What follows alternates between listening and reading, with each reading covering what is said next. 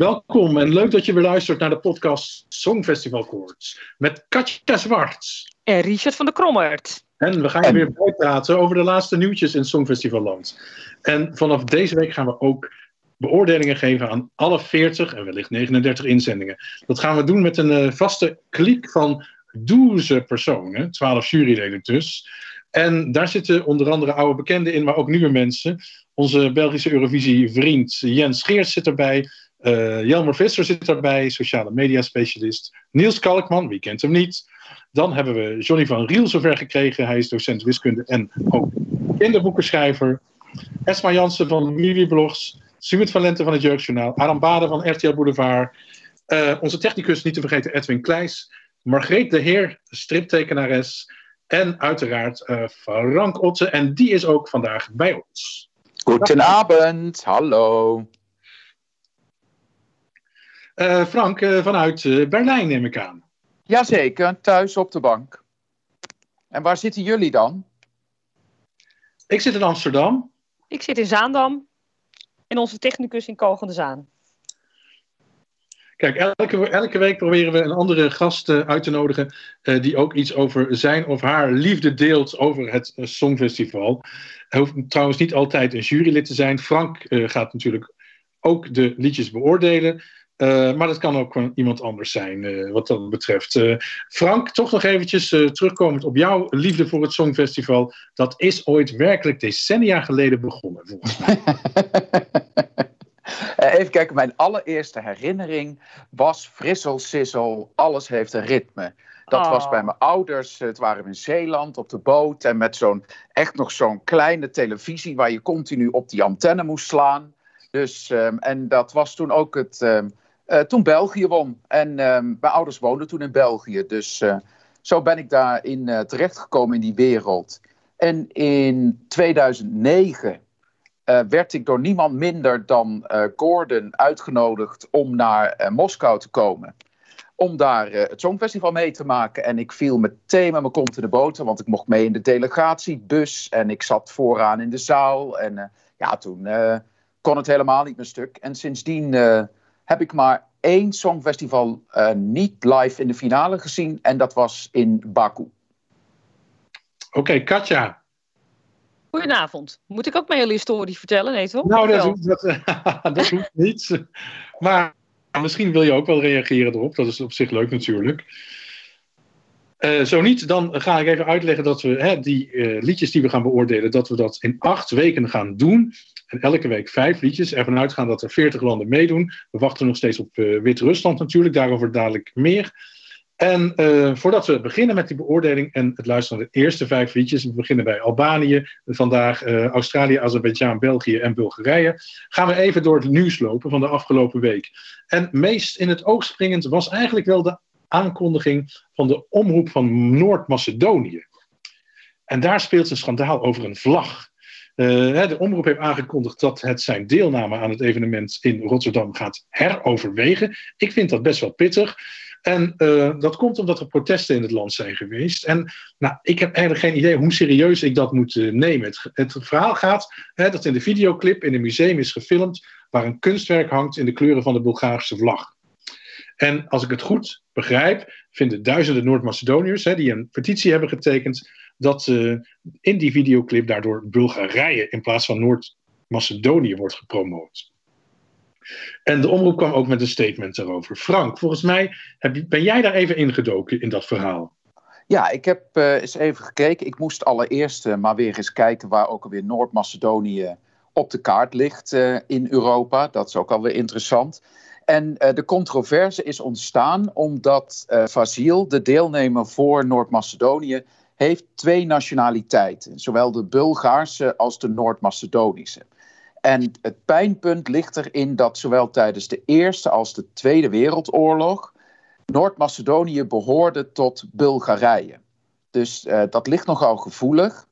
En we kunnen er alleen maar naar gissen wat uh, bedoeld heeft met die video. Maar hij heeft het opgenomen, ik denk naar uh, goed geweten, in een museum in Noord-Macedonië. Daar is die uh, video van hem opgenomen. En daarin zie je inderdaad op een gegeven moment een vlag in de kleuren van Bulgarije terechtkomen. En de context waarom die vlag in een museum in Noord-Macedonië hangt, die weten we niet. Maar de nationalisten zagen daarin een reden om uh, te dumpen als um, de deelnemer van Macedonië, omdat ze vinden dat hij um, niet Noord-Macedonië vertegenwoordigt. Of dat de ware reden is, dat um, moeten we uh, zien. Uh, ik heb ook een beetje het lichte vermoeden, omdat uh, toch niet helemaal onder stoelen of banken steekt dat hij uh, van de mannenliefde houdt, dat dat ook nog wel eens een rol zou kunnen spelen. Maar dat is de geschiedenis erachter. En wat uh, de omroep daarmee gaat doen, dat wachten we nog steeds in spanning af. Hoe serieus uh, schat jij het in? Nou, um, tegenwoordig met social media en petities kan zo'n omroep zich denk ik nog best wel eens een keer op het hoofd krabben of ze die controverse ook in eigen land willen en het de rumoer die daarmee ontstaat als hij inderdaad naar Rotterdam af gaat reizen. Dus um, ja, er zit alleen natuurlijk wel een gevolg aan. Als je op zo'n laat momentje terugtrekt uit de wedstrijd, dan uh, uh, zal de EBU daar aan niet blij van worden. En zover ik weet, zit daar dan ook een boete aan. Dus, er zit zeker een boete aan. Ja, dus wie gaat het boetekleed aantrekken? Dat gaan we zien hey, maar Katja, weet jij dat? Dan heeft Noord-Macedonië gewoon niet veel vrienden. Als er nu een controverse is met Bulgarije. In het verleden was er ook controverse met Griekenland. En sterker nog, sinds vorig jaar heet Macedonië, former Yugoslavian Republic of Macedonië, op het Songfestival ineens Noord-Macedonië. Ja, dat ligt bij de Grieken heel erg gevoelig. Uh, uh, Macedonië is natuurlijk een, provincie in Griekenland. En, ze wilden überhaupt al niet dat het hè, dat het ook Macedonië werd genoemd daar, ook niet in de volksmond. Hè, het andere Macedonië, zeg maar. Want ja, Macedonië is, is, uh, is de streek waar Alexander de Grote vandaan komt. En dat is natuurlijk, ligt ook weer, uh, dat is een bijzonder grote historische legende natuurlijk in Griekenland. Um, nee, en die willen daar niks mee te maken hebben. Dus die, die krijgen het niet een strot uit hoor, Noord-Macedonië. Ik moet eerlijk zeggen dat ik het ook een beetje moeilijk vind, maar ik vind het ook kinderachtig om daar aan mee te doen. Dus ik zeg netjes Noord-Macedonië. Um, maar nee, vrienden maken ze in, in Griekenland zeker niet mee. Oké, nou we wachten af inderdaad, zoals Frank al zegt, wanneer die commissie uh, die de zaak beoordeelt met een definitieve conclusie komt. Um, en laten we hopen, tenminste ik hoop gewoon dat Noord-Macedonië gewoon met Fasiel, uh, die, zanger en ditzelfde lied gewoon mee gaat doen. Uh, Frank, van jou weet ik ook nog dat jij vorig jaar, heb jij aangemeld om als uh, vrijwilliger uh, mee te gaan helpen bij het Eurovisie Songfestival. En volgens mij kreeg je toen ook Noord-Macedonië toebedeeld. Ja, klopt. Betekent dat ook dat je ook al kennis hebt gemaakt met Fasiel of mensen uit die delegatie? Uh, nee, dat niet. Want um, letterlijk op de dag dat wij als delegatiehosts elkaar voor het eerst ontmoetten en wij de landen toegewezen kregen, Um, een week later werd het Songfestival geannuleerd. Dus uh, wij hebben nooit de mogelijkheid um, gehad om contact op te nemen. En um, de Avrotros heeft toen ook gezegd: wacht nog even met contact opnemen. Zodra het moment weer daar is, dan uh, gaan we jullie de details doorgeven. Dan kun je contact opnemen. Dus ik heb persoonlijk nog geen contact met ze gehad. En of dat uh, gaat gebeuren is ook nog maar de vraag, omdat er eventueel ook een mogelijkheid bestaat dat als Belarus meedoet, ik uh, voor dat land als delegatiehost aan de slag mag. Nou, dan vallen we van de ene rel in de andere, eh, Frank. Want vorige week hadden we het natuurlijk over de inzending van Wit-Rusland, die geweigerd werd uh, door de EBU. Uh, en uh, mede omdat hè, die inzending te politiek is, uh, volgens de omroepkoepel. En als ik het allemaal goed begrijp, krijgt Wit-Rusland tot 1 april de tijd om met een alternatieve inzending te, ko te komen. Dat wil zeggen hè, dat, dat ze of een nieuw lied moeten inzenden, of een andere tekst, of misschien zelfs een andere band. Um, en wat ik tot nu toe tussen de regels door begrijp, is dat ze die band Galazi Zemesta willen behouden. En uh, de omroepbaas daar in Wit-Rusland heeft enkele dagen met een nieuw lied te komen. Dus uh, wij wachten eigenlijk af. Uh, Frank, en jij zei eerder deze week nog tegen me dat die weigering van de EBU wellicht niet zozeer met het lied te maken heeft, maar juist met die band. Ja, die band um, heeft zich al vaker positief uitgelaten over het beleid van Lukashenko, de president van Belarus. En dat is eigenlijk de reden waarom de controverse um, ontstaan is. Dus um, ja, ik denk dat zelfs als zij dadelijk met een lied uh, komen van I Love to Demonstrate, dat de controverse nog steeds niet verdwenen zal zijn. Dus ik ben heel erg benieuwd of um, ze met dezelfde band uh, met een ander lied komen. Maar een, dat... een, lied in de trant van uh, I Love Belarus, dat hebben ze tien jaar geleden ook zo, zoiets gestuurd. Ja, ja dat, kijk, toen kon dat. Ik vond dat toen ook een heerlijk lied. Ik vond het een beetje jammer dat ze in dat optreden helemaal niets van uh, Belarus liet zien. Ik had het geweldig gevonden als ze in een, uh, een legeruniform over het podium was gaan marcheren. Maar ja, dat kan natuurlijk niet uh, bij het Songfestival. Maar ja, ik, ik, ben, ik ben echt benieuwd wat Belarus gaat doen. En voor mij persoonlijk hangt daar dus ook nog wel het een en ander aan vast. Dus spannend. Maar dus het gaat dus om hun imago. Het gaat niet eens zozeer om de, om de letterlijke tekst, want dat vroegen wij ons vorige week af, Richard en ik. Maar het gaat echt om het imago dat ze hebben, dat ze pro-Lukashenko zijn. Ja, de, en de tekst hè, um, hinkte er natuurlijk een beetje op. Daar kon je natuurlijk, als je dat wilde zien, en hè, net zoals de nationalisten in Noord-Macedonië iets willen zien, gingen de tegenstanders, de mensen ja. die de straat op zijn gegaan, zagen daarin ook een pro-Lukashenko-boodschap. Maar die mensen ga je nog steeds niet tevreden stellen als je dezelfde band stuurt. Dus stel dat ze komen, dan uh, ben ik benieuwd voor uh, setting uh, dat plaats gaat vinden. Wat doe jij eigenlijk als, als vrijwilliger voor zo'n delegatie? Uh, het leuke, uh, ik vind het de leukste baan die je als vrijwilliger kunt hebben. In, het, in een notendop is het zo dat je de artiest en de delegatie ophaalt van de luchthaven. En tot het moment dat je ze weer naar de luchthaven brengt, ben je geheel verantwoordelijk voor ze. Dus ook als het land niet doorgaat naar de finale, dan blijf je toch verantwoordelijk voor het wel en wee van die delegatie. Dat in een normaal festival betekent dat dat je ook um, excursies met ze gaat doen. Dat je, als ze naar de Euroclub willen, dat je dat regelt. Je regelt de bus. Um, er komen andere verzoeken. Een leuk voorbeeld was de BBC met, in 2015. Moet je je voorstellen, de, die hadden dat kostuum met al die lampjes. Hoe heette dat liedje ook alweer? Ja, dat jaren twintig. Ja, ja. ja. En uh, dus die hadden een kostuum met allemaal lampjes, maar dat waren, daar hadden ze batterijen voor nodig. En zij hadden hun rehearsal op zondagochtend. Moet je je voorstellen, in een zwaar katholiek uh, land als um, uh, Oostenrijk moest daar de delegation host op zoek naar een stuk of dertig batterijen. Dat was een, uh, een hele leuke opgave, was dat.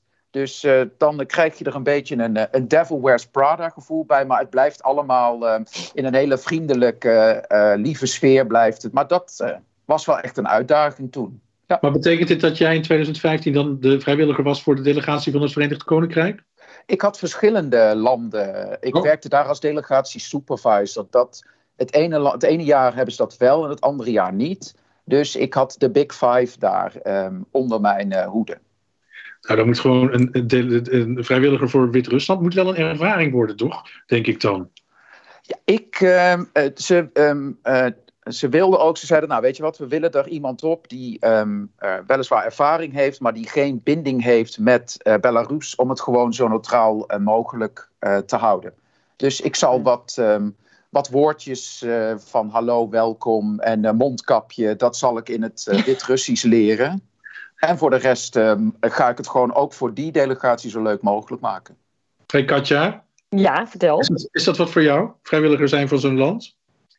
Ja, dat is een beetje, dat is heel erg. Daar ben ik te dominant voor, vrees ik. Ik ben, ik, ik, ik ben niet zo goed in dat dienstbare, zeg maar. Dus ik, ik, ik kan wel regelen en zo, maar ik vind het eigenlijk niet zo leuk om dat allemaal te doen. Ik vind het, ik, nee. Nee, en dan krijg je, want volgens mij, Frank, krijg je ook dingen die niet zo leuk zijn natuurlijk, of die je moet regelen.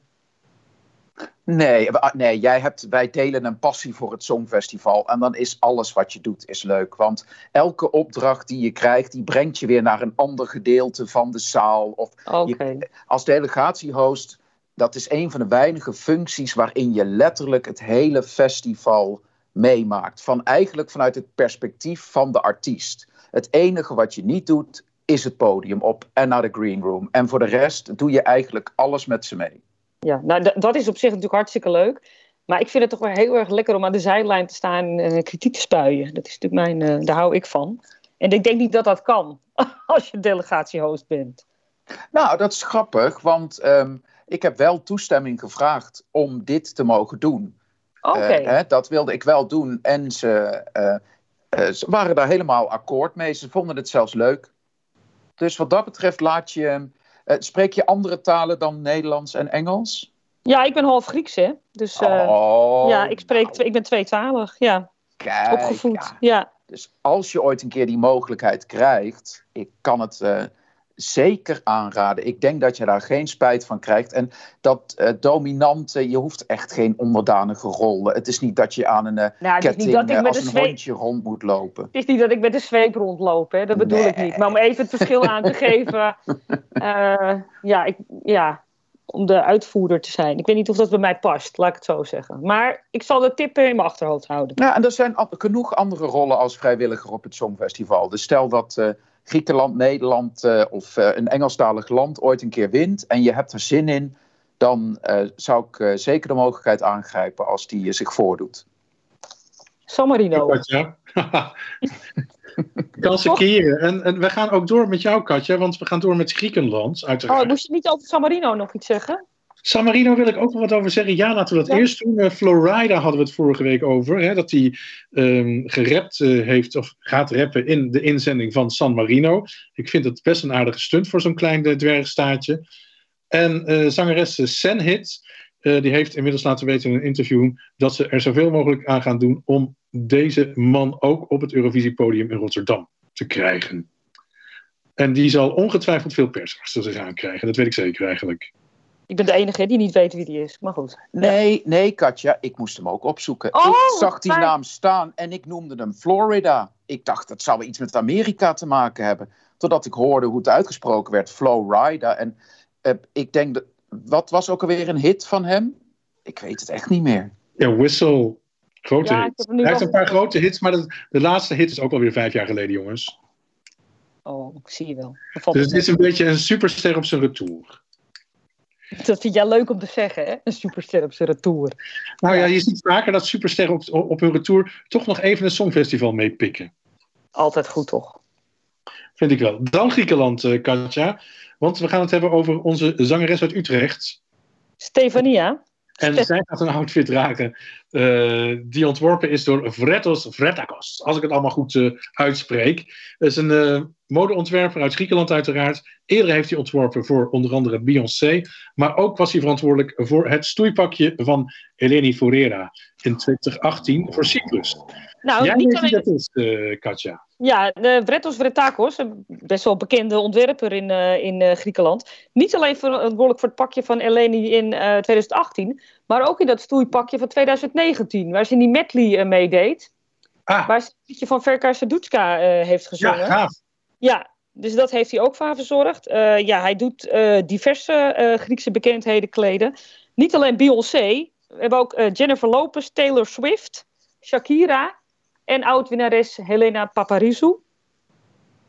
Nu voel ik me echt heel erg boulevard trouwens, nu ik het allemaal op uh, som. Uh, Vredos Vretakos is opgeleid in Italië. en vervolgens heeft hij nog een opleiding gevolgd in Londen aan de kunstacademie.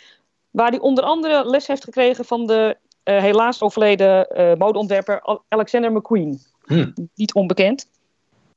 En ja, en, en zijn signatuur is vooral uh, Swarovski-kristallen gebruiken in, die, in, die, in die pakjes. Zo heeft het pakje van Eleni Forera, dat bevatte 300 tot 400.000 Swarovski-kristallen. Nou, dat vind ik niet niks. Ik wist dat niet, dus dat vond ik best wel interessant. En, ehm, nou, ik denk dat hij voorlopig wel vastzit aan het Griekse of Cypriotische teams in de toekomst. Maar ik vind het geweldig wat hij maakt. Ja, toch? En het is eigenlijk altijd heel sexy wat hij maakt. Zeker, ja. ja. En het is ook wel, ja, sexy. Een beetje retro-achtig ook. Ik zie vaak zo één schouder en dat soort, soort jurken. En heel veel, nogmaals, heel veel kristal. Heel glamorous allemaal.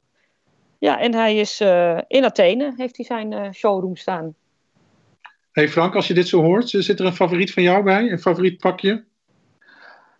Ja, ik bedoel, wie, welke homoseksuele man droomt er niet van onderuit te zien zoals die Elina, ik bedoel, of eh, dat pakje was het. En het verbaast me dat er zoveel Swarovski-kristallen in zaten, want heel veel stof was het niet.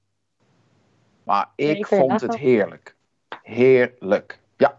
En ik dacht stiekem dat hij daardoor ook dat, ehm, dat een beetje SM-achtige pakje van die zangeres van Cyprus in 2019 heeft ontworpen. Maar dat dus niet. Jawel, dat was hij ook. Dat, was, dat vertelde. Oh, je bedoelt eh, die zangeres? Nee, sorry.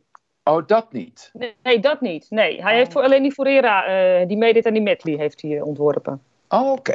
Dat heeft hij gebaseerd op, ehm, hoe heet die burlesque eh danseres ook weer? uit Dita? Fonties. Dita Fonties was daarop eh, geïnspireerd. Die ook weer een act was in 2009? Negen. Bij Ja, Duitsland. In Ja. Duitsland. Dus, dus zo is al de hele cirkel weer rond. Maar die kun je, je kunt bijna elke cirkel rondmaken met iets van het Songfestival. Dat, daar irriteer ik Mooi, mensen soms wel eens mee. Vind ik Nee, zo heerlijk, leuk. dat vind ik ook leuk. Ja. Ja. Ja, Dan zeggen ze, daar heb ik niks mee. Dan ga ik allemaal elementen noemen. En dan eh staan ze me heel boos aan te kijken. Oh, oh, oh. Ja, vind ik sowieso mooi als mensen zeggen... ik hou niet van het Songfestival. Dat vind ik hetzelfde als zeggen... ik hou niet van vis. Ja, een kabeljauw is echt iets anders dan een garnaal. Dus het Songfestival biedt ook alle kleuren. En kijk naar eh, de liedjes van dit jaar. Nou, volgens mij is het elke muziekstijl. Toen de Florida Making kregen, kregen we ook nog ineens rap erbij. Dat hebben we toch al een paar jaar al in het Songfestival zitten. Ja, maar ik bedoel, dit jaar heb je echt heel veel verschillende soorten eh, muziek. Ik vind het echt een, eh, een heel interessant jaar wat dat betreft. Daar gaan we verder straks op in. Ik ben heel benieuwd. Ja, absoluut. Eh, eerst verder met onze eigen Nederlandse trots, eh, Jean-Gu Macroy. Ehm, hij is flink bezig om in ieder geval in eigen land eh, zijn lied goed te promoten. Op de radiostations. Hij was bij Radio 5, maar ook bij 3FM afgelopen week. In het ochtendprogramma Sanders Vriendenteam. En, en toch maar even een stukje laten horen van de Nederlandse inzending. Zoals hij daar bracht.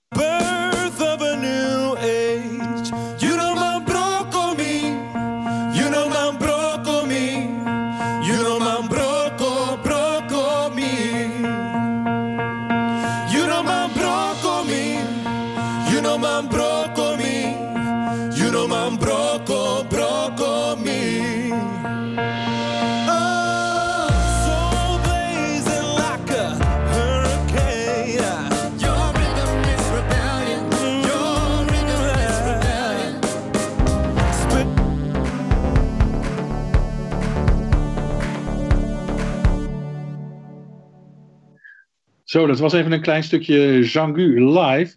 Eh, hoe vond je het klinken, Katja? Ja, ik vond dit leuk. Het, het deed me ook denken, hij heeft een andere versie eh, gedaan eh, van de week bij uh, Helco Ja, Volkspot. Met, eh, met, Ja. alleen, eh, met alleen een eh, piano erbij. Ja. Ja. die vond ik net iets mooier nog. Maar ik hou heel erg van dat. eh, ik heb altijd een zwak voor, voor a cappella of één piano. En eh, voor het versimpelen van een nummer. Want dan, ja, dan kom je echt tot de essentie, eh, naar mijn idee. En eh, ja, dat, dat vond ik, ik vond het beter eigenlijk. Oké, dus eigenlijk zeg je, je hebt het verkeerde radiostukje uitgekozen. Nee, dat zeg ik niet. Ik vind het beter, nog beter dan het live optreden. Ik vind Jean-Gu sowieso een geweldige zanger. Ja, Maar eh, eh, dat wat ik heb gezien met achtergrondkoren en dingen, dat heeft ook wel weer wat. Maar ik heb liever dat je het terugbrengt naar iets kleins. En dat vind ik mooier. Toch, eh, toch in de, in de, eh, bij de boekmakers wil het niet zo lukken met eh, Nederland op dit moment. Nederland staat de 34ste van de 40 landen, kun je nagaan. Echt enorm in de achterhoede. België voor de liefhebbers staat 18e bij de boekmakers. En vorige week hadden we het erover dat Zwitserland nummer 1 staat. En Zwitserland heeft inmiddels gezelschap gekregen van de inzending van Malta. En ehm, ik denk, Frank, jij kunt misschien wel begrijpen waarom Malta zich in het hoog- hoogste deel van het klassement heeft gevoegd. Ja, nou mag ik eerst nog iets zeggen over die waar eh, eh, Jean Gu staat bij de boekmakers. Want Ja, 34ste. ja, ik begrijp er echt helemaal niks van. Echt waar Het- niet? Nee, kijk dat het gastland tegenwoordig eigenlijk bijna altijd onderaan in de regio landt.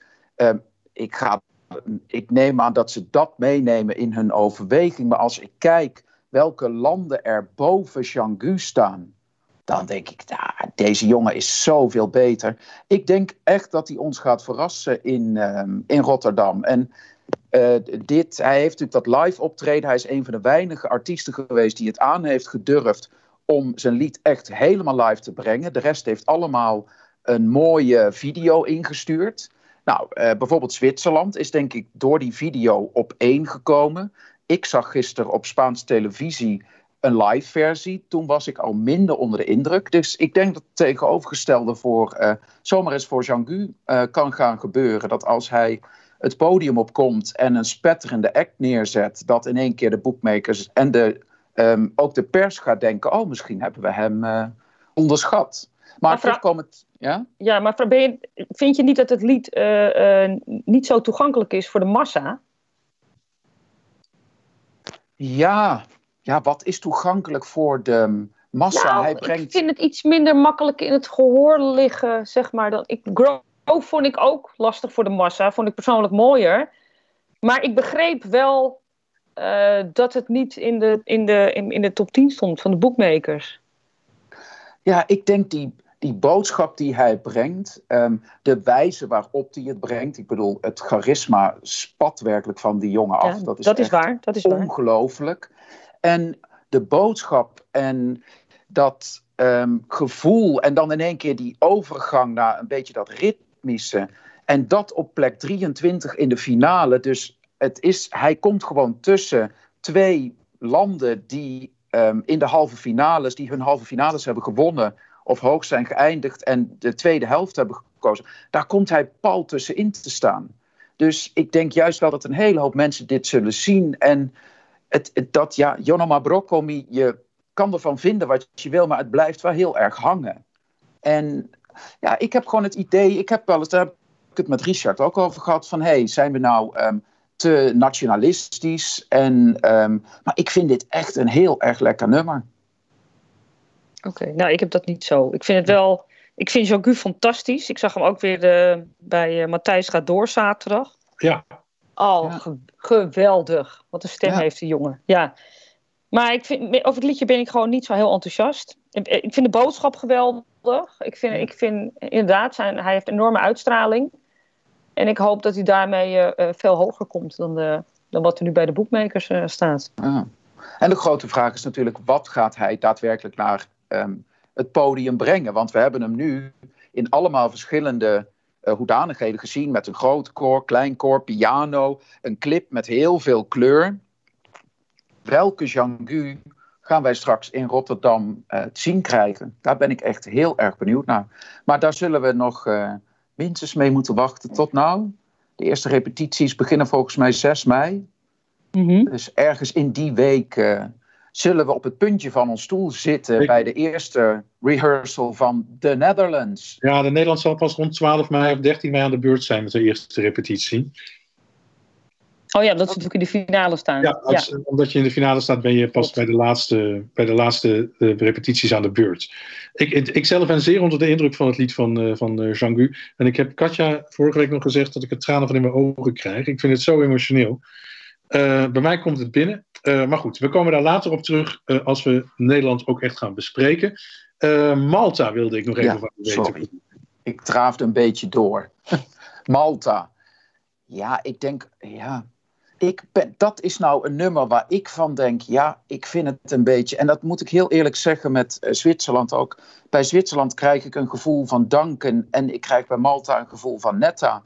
Dus ik vind het niet bijster origineel. Ik hou wel heel erg van die zangeres. Ik vind haar enig. Um, ja, en ze heeft natuurlijk ooit al een keer het uh, Junior Song Festival gewonnen. Dus ik denk dat dat ook een beetje mee te maken heeft. Uh, dat ze zo hoog staat bij de bookmakers. Maar ik zie het niet winnen. Okay, maar ik vind het een leuk lied. Sorry, wat zei je? Als je moet kiezen tussen Zwitserland en Malta? Dan ga ik toch voor Zwitserland, omdat ik toch meer gecharmeerd ben van uh, zijn stem. Ja, de, de duidelijke Katja, jij ook? Ik vind het heel moeilijk. Malta, uh, en ik snap de vergelijking heel goed met uh, Netta. Ja. ongelooflijk gelikte videoclip ook. Heel veel werk ingestoken, maar ik weet nu al niet meer hoe dat nummer gaat. En ik heb het twee, drie keer gehoord en gezien. Terwijl bij Netta de eerste keer eh, krijg je het niet meer uit je hoofd, hè, dat lied. En dat is een ding. Je moet het meteen, het moet je meteen pakken. En dat had ik bij Malta niet.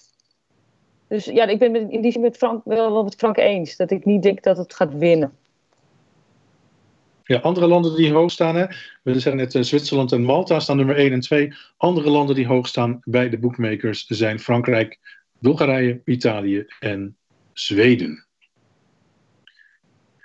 Dan jongens, onze Duncan Lawrence. Eh, vorige week hadden we een gesprekje met eh, Wouter Hardy. Die al zei dat het echt eh, helemaal te gek gaat in het Verenigd Koninkrijk en de Verenigde Staten. Daar is Arcade twee jaar na dato ineens een hit aan het worden. En deze week treedt Duncan ook op in de Amerikaanse talkshow Today Show. En dat is een ochtendshow, een van de best bekeken ochtendshows in het land. En hij schijnt op de rand te staan om binnen te komen in de Billboard Hot 100. Nou, dat is sowieso erg leuk om, eh, om te gaan volgen en dat gaan we dan ook doen. En hopelijk wordt het ook in de Verenigde Staten een groot succes. Dan de presentatoren voor Rotterdam. Jan Smit, eh, Chantal Jansen, Edcilia Romley en uiteraard uh, Nicky de Jager. Die gaan uh, in aanloop op het Songfestival uh, zes keer een korte filmpje plaatsen op YouTube. En dat gaan ze doen over alle voorbereidingen die ze doen uh, in aanloop op het evenement in mei. En ze noemen dat Road to Rotterdam. Um, de eerste aflevering hè, die kwam afgelopen week online. Daarin zegt Jan Smit onder andere dat hij niet mee zal gaan doen aan het Songfestival. Die, dat is natuurlijk een vraag die hem al honderden keren is gesteld. Um, en uh, ook uh, Edcilia doet een ontboezeming. En daar gaan we even naar luisteren.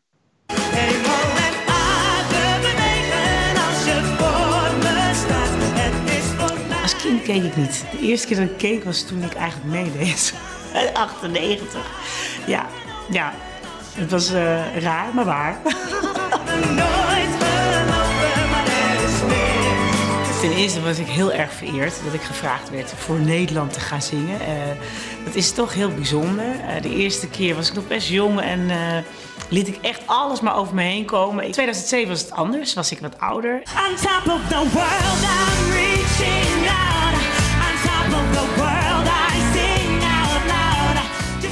Dus ik vond het sowieso geweldig en ik voelde me zeker helemaal vereerd dat ik gevraagd werd. Nou, ik ben zelf sinds tien jaar betrokken bij het Songfestival als commentator. En sinds een jaartje of zeven ook uh, mede verantwoordelijk in de kiescommissie. Ik heb er nooit echt zelf over nagedacht om mee te doen. Ze hebben me het wel honderden keren gevraagd uh, of ik dat iets zou vinden. En ja, eigenlijk heb ik er nooit echt over na hoeven denken. Misschien komt het ooit wel, maar eigenlijk nee joh. Hey, dat was Jan. Duidelijk dat hij geen zin heeft uh, um, in een deelname om zelf op het podium te staan uh, op het Songfestival. Um, die eerste aflevering, hij duurt 12 minuten. Ze gaan ook nog even in op wat uh, acts die in de, als tussenact staan geprogrammeerd of als start van de tweede halve finale. En dinsdag 23 maart verschijnt alweer de tweede aflevering van die serie. En de serie is te vinden op het YouTube-kanaal van de Avro Tros. En dan, uh, Katja. Ja, Richard, Rotterdam. De tram, de tram. Ja, hij rijdt, hij rijdt. Hij rijdt ja. ja. Ik wil in die tram, ik wil in die tram. Maar um, uh, worden er liedjes gedraaid in die tram? Dat weet ik niet. Dat zou wel heel erg leuk zijn, uh, denk ik. Ik heb wel nog even met de RED hè, gebeld. Dat is de ja. openbare vervoerorganisatie in, in Rotterdam. En uh, het blijft helaas maar bij één tram ook. En oh, die wisselt ook. Uh... Eentje maar. Ja, dat is jammer toch? Gierig. Gierig zeg jij, hè? Armetierig vind ik dat. Armetierig. Oh, armetierig, ja. ja. Ik kan me songfestivals herinneren dat echt de bussen in de stad, maar ook de taxis helemaal vol ja. beplakt waren. Ja, daar werd ik altijd nog hyperder van, zeg maar. Dan ben je al in die state of mind. En dan, oh, zo'n auto, ik wil ook zo'n auto. Dat soort dingen. In Wenen had je toen, wat ik heel erg leuk vond, dat uh, in de metro, dat de haltes werden voorgelezen door Conchita. Ja. Vond ik ook geweldig. Nou, dat gaat dus allemaal in Rotterdam niet gebeuren. Dat zou toch wel geweldig zijn. Nou. Duncan, Duncan die liedje, die, die haltes gaat omroepen. Ben niet zo zeker van, Richard. Uh, ze building up, hè. Ze, ze, dit, dit is het eerste begin. We hebben nog een uh, flink aantal weken te gaan. Rotterdam zal zich de kans niet ontnemen laten om te laten zien dat ze het Songfestival organiseren. Dus ik denk dat er nog wel uh, wat meer in petto zit. Dat de stad ook wel aangekleed eh, zal worden, zoals eh, andere steden. Dus ik denk dat dit pas het begin is. Maar Oh, wel, oh. mocht er iemand van de organisatie luisteren, wel de tip van de dag van Katja om liedjes van het Songfestival in die tram te gaan spelen. Ja, dan heb je toch een feestje. Dat is Ja, gewoon een is leuk. feestje. Ja, dat zou wel inderdaad verschrikkelijk leuk zijn. En misschien toch nog een tweede of een derde tram. Ehm, want, want dan krijg je ook wat meer sfeer te pakken. Hey, voordat we dadelijk de liedjes gaan beoordelen, gaan we eerst even naar, eh, naar Jens toe. Jens Geerts, eh, onze Belgische correspondent. Hij heeft namelijk de afgelopen maanden op Instagram een peiling georganiseerd. Een top 67 ehm, van alle winnaars door de jaren heen, van 1956 tot en met 2019. En wat is dan de meest populaire onder zijn volgers? Hij is eh, eh, behoorlijk populair eh, op Instagram. Wel duidelijk, hè? zijn achterban ligt vooral in Nederland en België. En hoe dat dan gegaan is, die top 67 op de kaart te zetten, dat vertelt hij nu. Oké Jens, jij hebt een top 67 heb je, heb je georganiseerd de afgelopen maanden. Ja, En eh, nou ja, ik wil echt heel graag weten. Ik zag, ik zag de top 5 eh, van de week voorbij komen. Ik wil heel graag weten waarom je dat hebt gedaan en hoe verrast jij over de resultaten bent. Nou, kijk, waarom ik het gedaan heb, is ehm, omdat we in België ehm, hebben we al een aantal lockdowns achter de rug. Hè? Dus voor Nederland is het denk ik jullie eerste.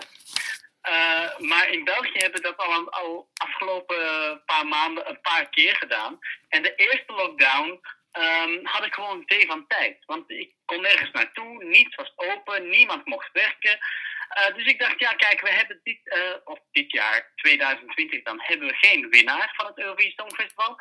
Waarom zoek ik niet naar de ultieme winnaar der winnaars? Een beetje een Eurovision All-Stars, zeg maar.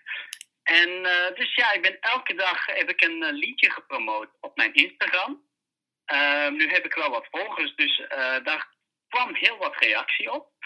En ehm, ja, dan, dan ben ik gewoon gaan kijken. Kijk, mensen konden stemmen op een, een liedje. Ofwel gaf je 12 punten, ofwel 0 punten. Dus dat niet tussenin. Ik ben, ik ben ook iemand van twee uitersten. Dus, ehm, en dan uiteindelijk heb ik alles mooi bijgehouden in een Excelletje.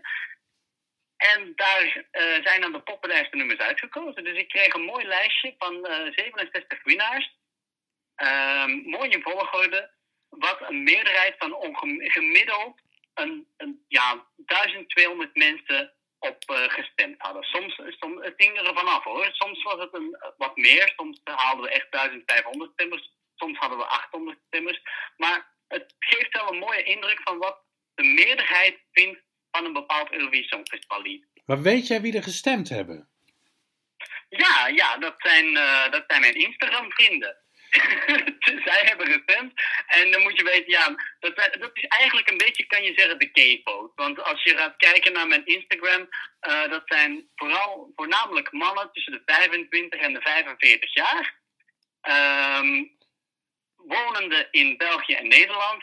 Eh, en ja, zij maken zowat een 93% van mijn, van mijn Instagram-vrienden uit. Dus laten we zeggen, dat is de demografie van de mensen die gestemd hebben. Ja, maar dat is, wel, Eh. dat is wel belangrijk om even van je te horen, denk ik. Want ik kan me nog herinneren dat we het een jaar geleden ooit hebben gehad over de ESC Top 250, de Eurovisie Top 250. Ja. En toen hadden we het erover dat eh, liedjes als 1944, hè, Oekraïne 2016 en Nocturne, inzending van Noorwegen 1995, altijd zo hoog stonden. En die zie ik bij jou niet terug in de top 10. Nee, nee, nee. En eh, meer nog, dat zijn ook liedjes die eigenlijk ook niet de top 30 hebben gehaald. Dus ehm, zij zitten eigenlijk meer onderaan. Zij bengelen wat onderaan. En ja, dat, dat, dan merk je wel dat de mensen die bij mij gestemd hebben, dat dat echt wel de gay vote is. Of ja, kan- misschien kan ik het wel ook zelf de Eurovision vote noemen. Want laten we eerlijk zijn, eh, de Eurovision fan is over het algemeen ook wel in een met een bepaald label aan te duiden. Dus eh, ja, zij zijn toch meestal wel van de, binnen de LGBTQ plus familie. Ehm, dus, dus ja, dan, dan, dan, krijg je, dan krijg je de lijst die ik heb. Was jij nog ergens verrast over? Nou, was ik verrast. Ehm, Ja en nee. Eh, mijn, mijn grootste verrassing was het feit dat ehm, Johnny Logan niet de top 10 haalde. Ehm, ik, had, ik had verwacht dat voornamelijk Hold Now zeker wel een top 10 plaats zou krijgen. En die strandt dan toch op een 15e plek. Ik was ook een klein beetje verrast dat België niet de top 10 haalde. Voornamelijk omdat de mensen die gestemd hadden, voornamelijk uit Nederland en België, komen. Eh, dus België strandt op een twaalfde plek. En dat, dat vond ik dan heel vervelend. Want eh, op, op een elfde plek stond Turkije. En jij weet dat ook. Dat ehm, toen Turkije won in 2003, hebben ze het ook hebben ze het Songfestival gewonnen met twee punten verschil van Nipt, België. ja, nipt Dus gewonnen. eh, ja, en nu, en nu weer. Nu dacht ik weer van, damn, Turkije haalt het weer van België. Ze- Turkije staat dan op een elfde plek en België op een twaalfde. En dacht oh, dan moeten we weer leggen voor, eh, voor die Turken. Ehm, nee, ja, en eh, verder, ehm, Rise Like a Phoenix had ik ook hoger ingeschat. Die komt net kijken in de top 10, dus op een tiende plek. eh Conchita Wurst.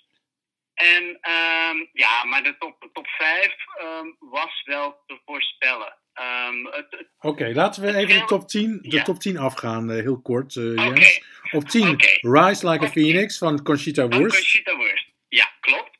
Op 9 Heroes van Monstermeleu.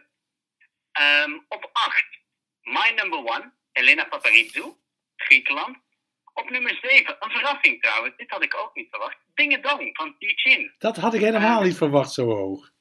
Nee, dat had ik helemaal niet verwacht. Eh, nu vind ik het de terechte plek hoor, daar niet van. Maar ik, eh, ik wist niet dat. Ik vind het een beetje een vergeten hitje. Eh, maar ik ben blij dat het duidelijk toch niet vergeten is. Dus, Nummer eh, zes. nee. Nummer 6, Diva van Dana International, terecht. En dan top 5, op een vijfde plek Love Shine a Light van Katrina and the Waves. voor United Kingdom. Op nummer 4, Arcade van Duncan Lawrence voor Nederland. Op nummer 3, Ne partez pas sans moi van Céline Dion ehm, voor Zwitserland. En dan de nummer 2 is Euphoria van Loreen voor Zweden. En de nummer 1 natuurlijk, Waterloo van ABBA. Ja, Maar nu moet ik wel zeggen Ja. dat ehm, de nummer 1 en 2 lagen ontzettend dicht bij elkaar. Dat scheelde echt maar 20, 20 stemmen. Dus het kan net zo goed zijn als ik het eh, misschien hing het gewoon af van de dag dat ik eh, de poll heb gedaan. Want ik ben ervan overtuigd, mocht ik het misschien volgend jaar opnieuw doen, Ja, dat misschien Euphoria op nummer 1 zou staan. Dat, dat kan ik me goed voorstellen. oké. Eh, dit- maar beide nummers zijn super. Oké, dit, dit heb je bekendgemaakt in de derde week van januari 2021. Denk je inderdaad dat je het volgend jaar weer gaat doen? Nou ja, ik, ik, vond het, ik krijg er heel wat positieve reacties op eigenlijk. Ehm, ik weet misschien niet dat ik meteen terug een, eh een winners eh, top moet doen. Misschien moet ik het maar doen met de nummer 2. Of, eh, of misschien wel de, de slechtste Eurovision nummers. De, alle nummers die helemaal onderaan zijn geëindigd. Wat is het slechtste Eurovision nummer? Ehm, maar ja, ik krijg er heel veel positieve reactie op. En, ehm, en ja, mensen vinden het heel leuk om ook hun stem te laten gelden. En eh, er zijn mensen die teleurgesteld zijn, die zeggen nee, Waterloo toch niet, zo cliché. Eh, en zijn mensen die dan weer heel blij zijn. Dus ja, het, het doet wat met mensen. En dan heb je iets in handen. Als mensen emotioneel investeren in wat je brengt, dan denk ik wel dat je iets goed bent. Dus ja, ik, het is wel een top, denk ik, die we nog eens een keertje kunnen doen. Of al dan niet in andere vorm. Ja, die nummer twee posities lijkt me wel heel interessant worden. Die laatste posities lijkt, lijkt me verschrikkelijk eh, saai worden, want dat zijn allemaal liedjes die ik waarschijnlijk ook niet meer wil horen. Maar de nummers 1 en 2, vooral omdat daar soms ook echt discussie over is, dat is misschien echt wel een eh, spannende lijst, eh, kan dat gaan worden. Ja, misschien moeten we dat maar samen organiseren, Richard. Wat, wat denk je? Misschien moeten we dat eh, maar eens doen. Ja, Jens, jij bent een hunk met heel veel volgers op Instagram. En ik doe graag met je mee, maar verwacht niet te veel van mijn inbreng wat dat betreft. Nee, dat is goed, dat is goed. Maar dan, het is een team effort, Richard. Prima. Dat, nee, ik vind het een uitstekend plan om samen aan te pakken. Eh, over een paar weken ga ik je opnieuw bellen, maar dan over de voortgang in België en met name de situatie bij Hooverphonic. Ja, laat ons hopen dat we dan al nieuws hebben. Dat, eh, dat zou mooi zijn. Oké, dank voor nu. Dag, dag Jens. Dag, doei.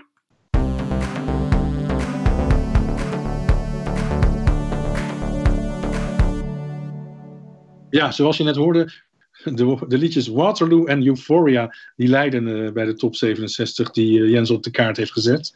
En eh, voor volgend jaar heeft hij dus misschien op de rol staan om een, eh, weer een selectie te maken, maar dan van de nummer 2's van het Eurovisie Songfestival. En ja, dan eventjes toch maar even vragen hier bij eh, Katja en ook Frank, wat onze favoriete nummer 2 zijn aller tijden. Kijk, ik heb er een paar op een rijtje gezet. RS2, Lana Moye, Here We Get, Le Dernier Qui A Parlé, Calm After the Storm, Soldi, Fuego, Congratulations, Dancing, Lasha Tumbai of misschien toch de omaatjes uit Rusland. Ehm, heb jij een favoriet, Frank? En Je hebt mijn favoriet genoemd, RS2, maar eentje die ik nog niet in dit lijstje heb gehoord is Is It True uit IJsland. Mhm. Dat vond ik toen ook wel een erg mooi eh, liedje met een mooie staging. eh. Dus die mag voor mij zeker in dit rijtje erbij. Katja? Ongetwijfeld Lana Mooie. Ook echt, ja, als dat dan niet mijn favoriete eh aller tijden is. Maar zeker eh, de favoriete nummer twee aller tijden. Nou, we gaan het zien als eh, Jens een poging doet om volgend jaar opnieuw een peiling te houden. Dan hopen we dat onze favorieten er in ieder geval in zitten. En dan gaan we naar de vijf liedjes die we deze week gaan beoordelen in Songfestival Koorts. Albanië zei ik al, Australië, Azerbeidzjan, België en Bulgarije. We gaan gewoon van A tot Z en over zeven weken komen we aan bij Zweden en Zwitserland. Ehm, we hebben in totaal twaalf mensen eh, gevraagd om de liedjes te beoordelen. En ik heb ze gevraagd om eh, die liedjes in te delen in een topper, een middenmotor of een, eh, of een flop. En bij de toppers bedoel ik dan eh, een plekje aan de linkerkant van het scorebord uiteindelijk in Rotterdam. Dus dat betekent positie eh, 1 eh, tot en met nummer 13. Eh, middenmotor is dan op de posities 14 tot en met 26. En ja, de rest is logischerwijs gewoon de landen die de finale volgens ons niet zouden moeten halen. En dat zijn dan de overige 14 inzendingen, als we ervan uitgaan dat Wit-Rusland nog steeds met een inzending komt. Kijk, dan zijn er natuurlijk zes landen, ik hoor je al zeggen, die automatisch in de finale staan. Nederland, Frankrijk, Duitsland, Verenigd Koninkrijk, Spanje en Italië. Maar ik heb tegen al die mensen gezegd die meedoen aan het beoordelen van de liedjes. Als die landen volgens jou een slechte inzending hebben en dus eigenlijk gewoon niet finale waardig zijn, dan zijn ze niet finale waardig, ondanks die automatische finale plek.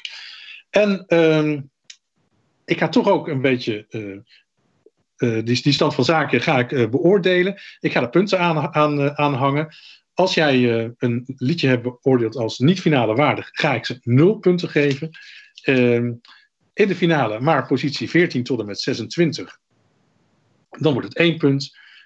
Bij de bovenste 13 twee punten. En ik heb ook iedereen gevraagd om zijn drie favoriete inzendingen, zijn potentiële winnaars eh, eh, te benoemen. En die, krijgen, die drie inzendingen krijgen dan steeds drie punten van mij.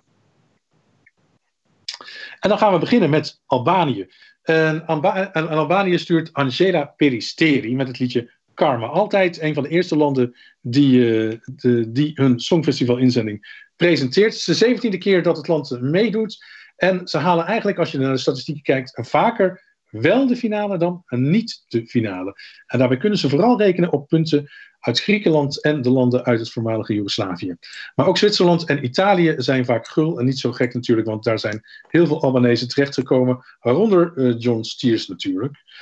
Ehm, Griekenland, Zwitserland en Servië zitten in de tweede halve finale en net als Albanië zelf. Angela, de zangeres, 35 jaar, heeft een tijdje... 39 jaar. 39? Ja. Oh, echt. Dan heb ik echt, ben ik verkeerd geïnformeerd. 39 jaar hoorde ik van Katja. Ze heeft een tijd in Griekenland gewoond en probeerde al in twin- 2001 voor het eerst Albanië te vertegenwoordigen op het Eurovisie Songfestival. Laten we eerst even een klein stukje gaan luisteren naar het liedje Karma.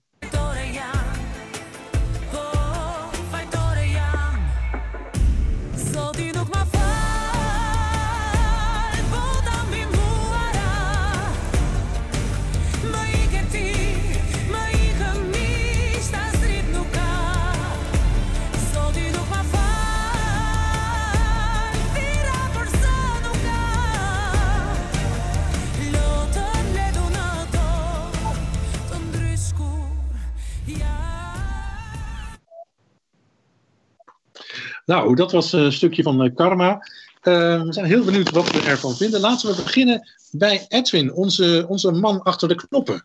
Oh god, ben ik gelijk aan de beurt? Nou, ehm, Ja. ja, ik heb vorige week al een klein beetje mijn licht laten schijnen op mijn eh, verleden. Waar ik gewoon heel eerlijk over zal zijn in eh, deze Songfestivalbubbel. Ik volg het Songfestival eigenlijk pas sinds een jaar of vijf. Eh, dat komt door Katja.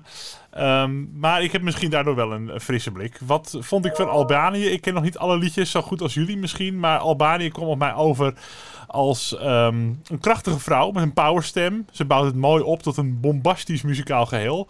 Zit weer zo'n Balkansausje overheen dat je kunt verwachten bij het Songfestival. En ze heeft eerst in de clip een echtelijke twist rond een tafel, terwijl ze ook in outer space verkeert. En daarna zijn er twee kleine meisjes die ook eh, balletpakjes aan hebben of zo. Wat zijn, wat zijn dat? En, en ze zijn geest. En uiteindelijk staat ze dan volgens mij tegenover zichzelf. Eh, best interessant. Dat kan wel voor nu eh, bij, de, bij het linker rijtje komen in de finale. Jij noemt het een van de toppers, hè? Eh, bovenste 13. Ja, voor nu. Maar ik, ik ga me van de week nog veel meer verdiepen in al die liedjes. Maar dit, eh, dit vond ik best wel aardig, ja. Katja? Ja, dit, hier hou ik van. Hier hou ik van. Dit is van dat, eh, die Balkan sound. Een beetje te overdreven Balkan sound, maar... En die vrouw, enorm vrouwelijk type, diva, enorm decolletage. Ik kan niet wachten om te zien wat ze in Rotterdam gaat dragen. Ik vind dit, eh, ja, ik vind dit heel fijn. En als je zou moeten zeggen, een topper, een flopper of een middenmotor? Nou, dat is wel duidelijk. Ik vind haar een topper. Frank, jij ook? Bij mij zit ze in de middenmotor, maar dan echt op plek 14. Ik eh, Oh. ook inderdaad eh, rondborstig en eh, op blote voeten in die clip. Toen moest ik meteen weer aan eh, een paar uh, songfestivaldeelnemers eh, denken. Inderdaad, lekker etnisch geluid. En ja, misschien denken ze wel eh, karma. Denken ze als eerste het lied uitbrengen is als eh, eerste eindigen. Ik denk dat dat niet gaat lukken. Maar ik eh, vind dit een heerlijke sound. En wederom, dit bungelt ergens onderaan bij de bookmakers. Dus eh, schiet mij maar lek. Oké. Ehm, het is eigenlijk wel de enige echte Balkan-inzending, toch, dit jaar? Eh, nou, die Balkan sound horen we ook wel een beetje bij Azerbeidzjan. Toch? Ja, hoewel dat heel erg anders ligt. Maar daar hoor je ook wel zo'n rieltje er doorheen. Maar dat- Ja, dat ligt aan welke Balkan sound je bedoelt. Ik bedoel, ik denk dat eh, de, waar Servië mee komt, is weer een heel ander soort Balkan eh, sound. Maar ja, dat is waar. Ja, dat is, ja. dat is de uitgekiende Balkan slutpop. Daar hou jij van. Mm. Maar de Servië is- komt dit is- veel dit is later. echt aan. wat etnischer. Eh, het mooie nieuws van eh, Albanië is dat eh Sasha Jean-Baptiste de staging gaat doen. En dat kan ook wat beloven, want ze deed eerder Fuego en ook A Beautiful Mess. Kijk. Nou, dat kan heel, heerlijk theatraal worden. Dat komt alleen maar ten goede. Ja, toch, dat denk ik ook. Dus Albanië is misschien toch wel een soort van outsider. Ik heb het gekwalificeerd als een middenmotor. En dan gaan we door met eh, Australië. Volgende, volgende inzending. Ehm, Australië stuurt de zangeres Monta- Montaigne, of ik weet niet hoe ik het uit moet spreken. Weet jij? Montaigne. Montaigne? Meteen met het lied Technicolor. En het is de zesde inzending voor eh, Australië. 25 jaar is ze. Als dat niet goed is, Katje, dan hoor ik je. hè. En ze heeft al sinds haar zestiende een platencontract. Ze, alles op alles gaat ze eraan doen om in Rotterdam te zijn. Ondanks de enorme afstand tussen Europa en ook Australië natuurlijk. Tot nu toe krijgt Australië de meeste punten van Denemarken, Noorwegen en Israël. En het land staat in de eerste halve finale. Laten we eerst een stukje luisteren van Technicolor.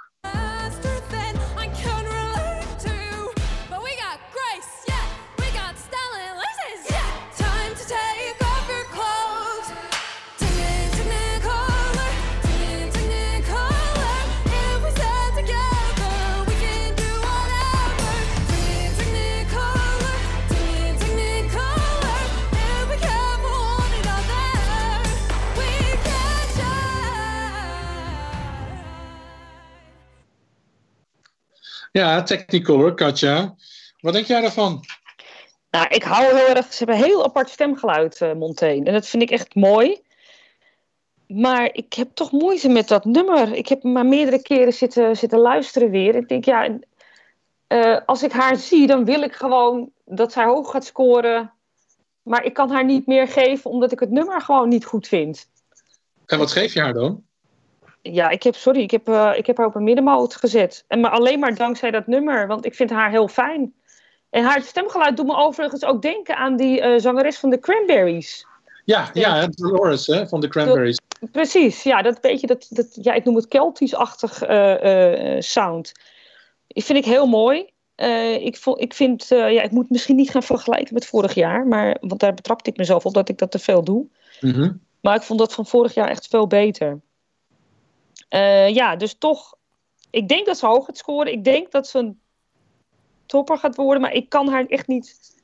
eh, ik kan er niet achter staan als ik dat ga doen. Ik zit er eh, op een middenmotor. Een middenmotor. Ook van mij wordt het een middenmotor. En ook mij valt die stem enorm op. Hè? Jij zegt Dolores van de Cranberries. Ik vind het echt een mix ook met de stem van Marina and the Diamonds. Misschien ken je dat. Het is een,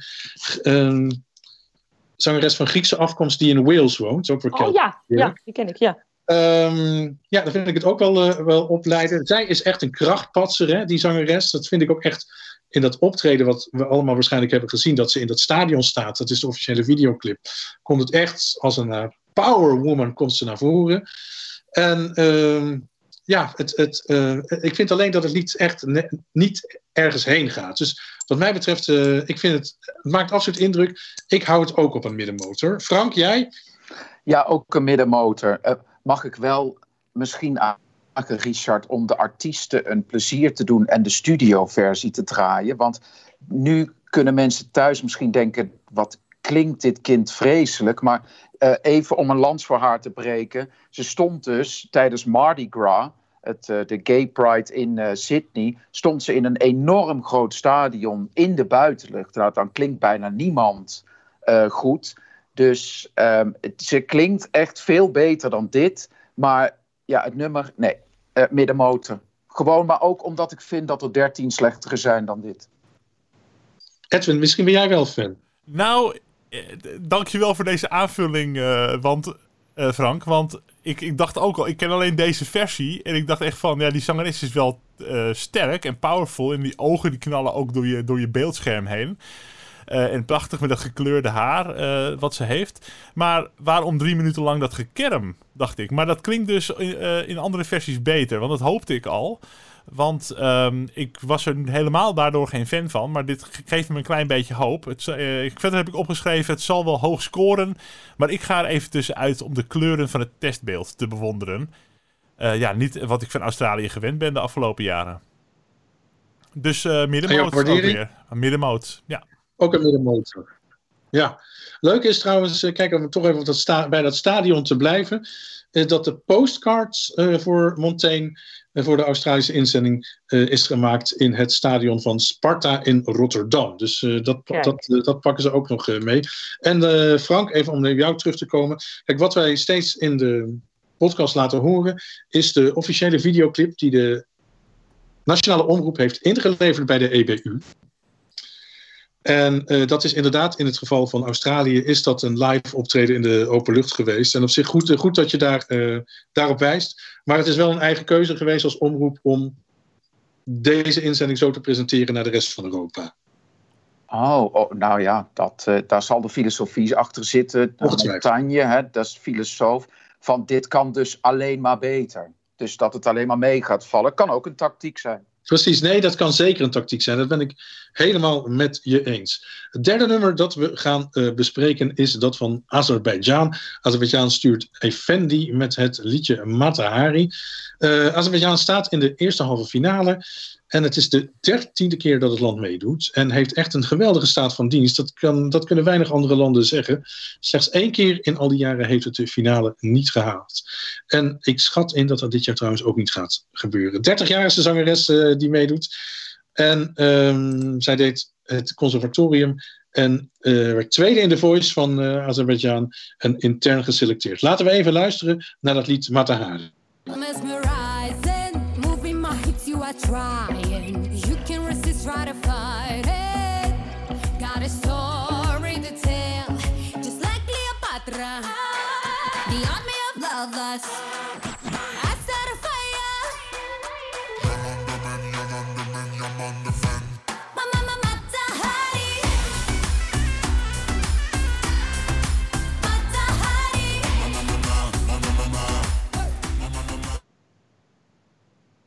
Ja, een stukje Matahari. Eh, wat ik net ook nog wilde zeggen is dat eh, wat punten betreft moet uh, Azerbeidzjan het elk jaar hebben van eh, Rusland, Oekraïne, Georgië en Malta. En het prettige voor Azerbeidzjan is dat drie daarvan dit jaar ook in de eerste halve finale zitten. Overigens is het niet de eerste keer dat op het Songfestival een lied wordt uitgevoerd met de titel Matahari. Dat gebeurde eerder in 1976. Ook op Nederlandse bodem trouwens. En dat was toen de inzending van Noorwegen. Maar dat was geen succes. Eh, het eindigde op de laatste plek. Frank, wat vind jij van de Matahari? Ja, ehm, nou ja, ik, wat, eh, wat Azerbeidzjan heeft gedaan, is ze hebben het zichzelf in mijn optiek heel makkelijk gemaakt. Ze hebben gewoon het lied van vorig jaar genomen en daar Matahari in geplakt. En voor degene voor wie dat niet duidelijk is, roepen ze ook nog een keer de titel van het lied van vorig jaar drie keer, Cleopatra. Dus ik vind het, het is een middenmotor voor mij. Ik vind het iets te makkelijk daardoor, maar wel een lekkere sound. En ehm, ik verwacht van Azerbeidzjan altijd eh, een bombastisch optreden. Dus ik hoop echt dat ze haar in zo'n soort, ja, Matahari-achtig bordeel neer gaan zetten met sigaarrokende mannen en een beetje die mystieke sfeer, zoals eh, de Nederlandse Matahari. Oké, toch een beetje slutpop weer. Ja, maar daar hoop ik eigenlijk altijd op stiekem. Ja. Katja, Altijd maar dat woord slutpop. Oh, oh, oh. Jullie zijn echt verschrikkelijk. Eh, ja, ik, ik heb eigenlijk heel weinig aan toe te voegen. Het is eh, eigenlijk precies wat, eh, wat eh, Frank zegt. Het is eh, Cleopatra deel 2, hè. Gewoon eh, ja, wat, ze nog, wat ze vorig jaar niet aan dat liedje konden plakken... omdat het maar drie minuten moest zijn... hebben ze nu gewoon uitgebracht als Matahari. dat is het. Maar het, Ja. het, het klinkt wel lekker, ja. Eh, middenmotor heb ik ook. Oké, ja, ja. Ik vind, het wel, ik vind het ook lekker klinken. Het is goed gedaan eigenlijk van Azerbeidzjan. En inderdaad, een doorslagje. Nou ja, dat hebben we allemaal al gezegd. Catchy nummer. Het rijmwoordenboek is er eh, even bijgepakt. Er zit ook een etnisch sausje overheen. Vind ik ook leuk. Lokale instrumenten zijn gebruikt. Dus ook leuk. Zelfs nog een zinnetje in het Azerbeidzjaans. Ook interessant. Ik denk gewoon dat het aan gaat slaan. Eh, en ik vind het eigenlijk gewoon een topper. Dus, Dat vind ehm, ik wel shocking op zich. Dat je het meteen een topper vindt. Dat hoeft nou ook weer niet natuurlijk. nou ja, daarmee Oh, bedoel ik dus dat het eindigt aan het linkerrijtje van, eh van de scorebord. Oh. Maar Richard, je weet dat je maar 13 keer een topper ehm, mag hebben, toch? Op het einde van de rit. Dat klopt, maar dit was mijn eerste. Oh. Oh, ja, oké. Dat belooft nog wat. Ja. Nou, ja, precies. Hold your horses. Albanië en Australië heb ik allebei als, als, als, als middenmotor. Edwin, jij dan? Ik kijk naar buiten, wat zie ik in het spionnetje? Ja, dat is Effendi. En Ze probeert me te verleiden. Het resulteert in een eh, leuk ritmisch vluggertje. Maar of ik het me aan het eind van de dag nog kan herinneren? Mwah, leuk. Eventueel voor op de dansvloer wanneer het weer kan. Middenmoot. Oké. Nou, dat is niet echt eh, zo enthousiast als ik gedacht dat we met z'n allen zouden zijn, maar dat maakt niet uit. We gaan verder. Vierde liedje van deze beproeving is België. En België stuurt Hooverphonic met het liedje The Wrong Place. En België heeft geluk, want het zit in de eerste halve finale. En dat is nou uitgerekend ook de halve finale waarin Nederland mag meestemmen. Want eh, Nederland is, als je naar de statistieken kijkt, over het algemeen, het land dat het meeste stemmen aan België heeft gegeven. Nog meer dan Frankrijk aan België heeft gegeven en ook meer dan Ierland eh, aan België heeft gegeven. Want dat, die twee landen zijn ook behoorlijke vrienden van eh, onze zuidenburen. En eh Hooverphonic werd natuurlijk door de Vlaamse omroep al lang op geaast om mee te laten doen aan het Eurovisie Songfestival. Vorig jaar was het natuurlijk eindelijk zover. Maar vergeet niet, drie jaar geleden schreef de bassist Alex Callier al de Belgische inzending. Dat eh, was het nummer van Senek. Maar die inzending bleef steken in de halve finale. Laten we even luisteren naar een stukje van The Wrong Place.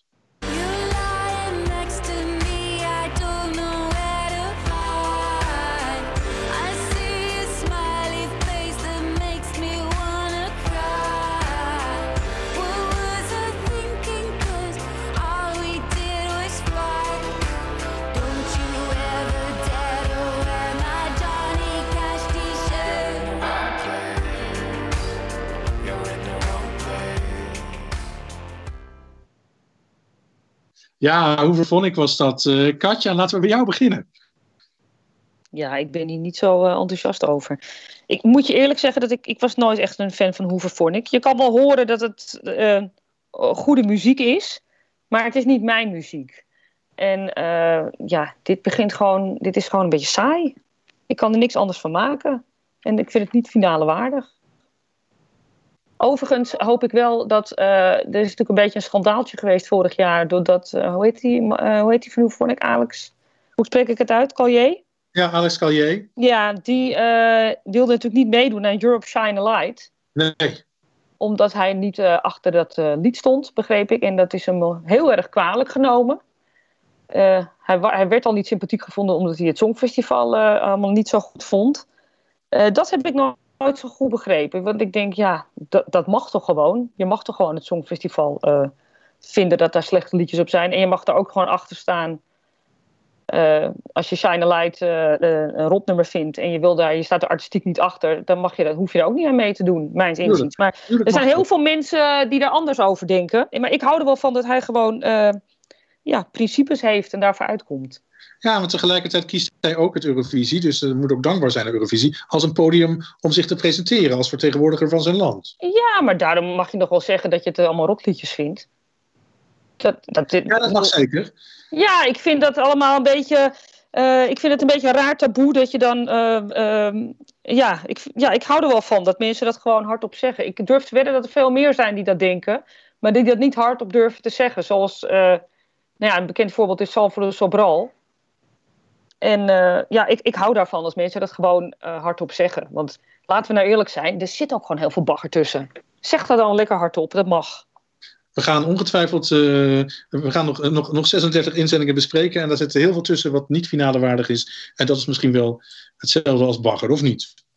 Precies. Edwin, Ja, dit is echt typisch zo'n zo'n zo'n eh, nummer dat je vroeger toen je cd'tjes nog kocht, hè, dat- van dit soort bandjes, Hooverphonic uh, zit er ook wel eens tussen.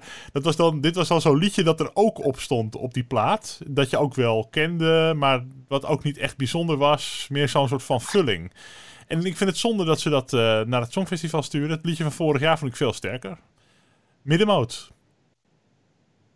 Frank, jij dan? Eh, ja, het is voor mij gelukkig. Het liedje gaat over eh, The Wrong Place. Hè, dat je naast iemand wakker wordt eh, waarvan je dacht: oh, die was gisteravond eigenlijk veel mooier. Dat is lang geleden voor me. Gelukkig dat me dat overkomen is. En wat ik ook nog leuk aan vind, is dat eindelijk eens een keer een, een jonge meid ingeruild wordt voor een rijpere vrouw. Dat doen mannen meestal toch omgekeerd. Dus het verhaal daarachter, hè, dat ze eerst die jonge zangeres hadden en nu toch weer terug. Naar hun ex-vrouw eigenlijk eh, zijn gegaan. Maar ja, het is dat Hans Pannenkoek er met eh, de show eh, mee aan de slag gaat. Maar het blijft voor mij een middenmotor. Maar dat zegt ook niks, hè, dat Hans Pannenkoek. Die heeft dan een naam sinds de Common Linnets. Maar laten we niet vergeten dat eh, eh, Spanje ook genadeloos ten onder ging. eh, wat is het, in 2017? Ja, het laatste. Ja, Ja, Hans, maar- ook Hans Pannenkoek kan een rotlied niet redden natuurlijk. Nee, Nee, bent- dat is waar. Maar hij heeft natuurlijk wel, eh, net zoals Ralf Sieger, maar één keer gewonnen heeft. Ha- Hans Pannenkoek kan altijd op zijn Eurovision CV schrijven dat hij een winnend lied, dat hij daar eh, de show van heeft gedaan. Dus alle kudos voor mij aan Hans Pannenkoek. Wat hij ook met België gaat doen. Nou, ik hoop echt dat hij het niet in zijn hoofd haalt om dit te verpesten met een slechte regie. Want ik word gewoon verschrikkelijk blij van het nummer The Wrong Place. Het mag echt, wat mij betreft, gewoon zeven minuten lang duren. Ik vind het die stem. Zeven minuten? Ja, het mag. Goeie god. Ik, die fijne stem van Gijken, ik vind het echt geweldig. Dat lied is spookachtig, donker, mysterieus tegelijk. Eigenlijk, ik vind het gewoon een meesterwerkje, echt waar. En bij elke luisterbeurt wordt het gewoon beter. Ja, voor mij is het, eh, is het, is het geen discussie. Dit is gewoon eh, een lied dat thuis hoort bij de bovenste 13. Het linker rijtje van het scorebord. En laat ik dan ook maar de eerste zijn die het als potentiële winnaar eh, eh, noemt. Ja, je we mogen drie liedjes uitkiezen als potentiële winnaar van alle 40. En dit is mijn eerste. Eh, Wat leuk. ja, ik vind echt. eh, vol- volgend jaar Antwerpen zou ik helemaal niet verkeerd vinden. Ik ben er helemaal stil van. Ja, nou, ik dus ook, Katja. Ik dus ook. Ik wil allemaal teksten gaan roepen. Wat is er met je aan de hand? En, maar ik respecteer de keuze van. eh, Natuurlijk, nee, van dat, dat, dat respecteren we. Ja. Maar ik, ik, ik, ik speel even ook Alex Collier, speel ik nu even. Dit kan gewoon niet. Maar goed, we gaan door. We gaan door. We gaan door met Bulgarije. En nee, maar oh, dit is dus je tweede topper, hè? Toch? Ja, mijn tweede topper en, en, en maar de eerste potentiële winnaar. Oh, Oké. Dus de potentiële winnaar betekent echt top drie. Hè? Dit is Oh, mijn drie beste inzendingen van dit jaar. Dan heb ik in ieder geval nog twee, nog twee kansen over als beste inzending van dit jaar. En daar gaan, we, daar gaan we ongetwijfeld in de volgende podcast op terugkomen. En ik ben ook eigenlijk heel nieuwsgierig wat jullie in de komende podcast als eh, potentiële winnaars gaan bestempelen. Verder met Bulgarije.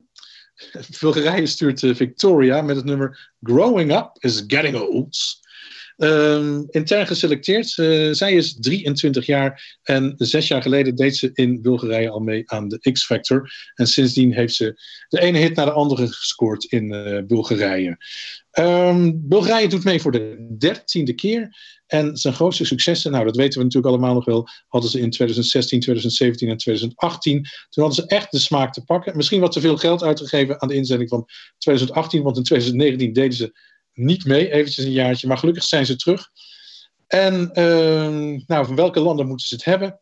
Noord-Macedonië, Cyprus en Spanje geven, als we kijken naar het verleden, de meeste punten. Eh, Bulgarije heeft een plekje gelood in de tweede halve finale. En prettig voor ze is dat Spanje daar punten geeft. Laten we even luisteren naar een stukje van Growing Up is Getting Old.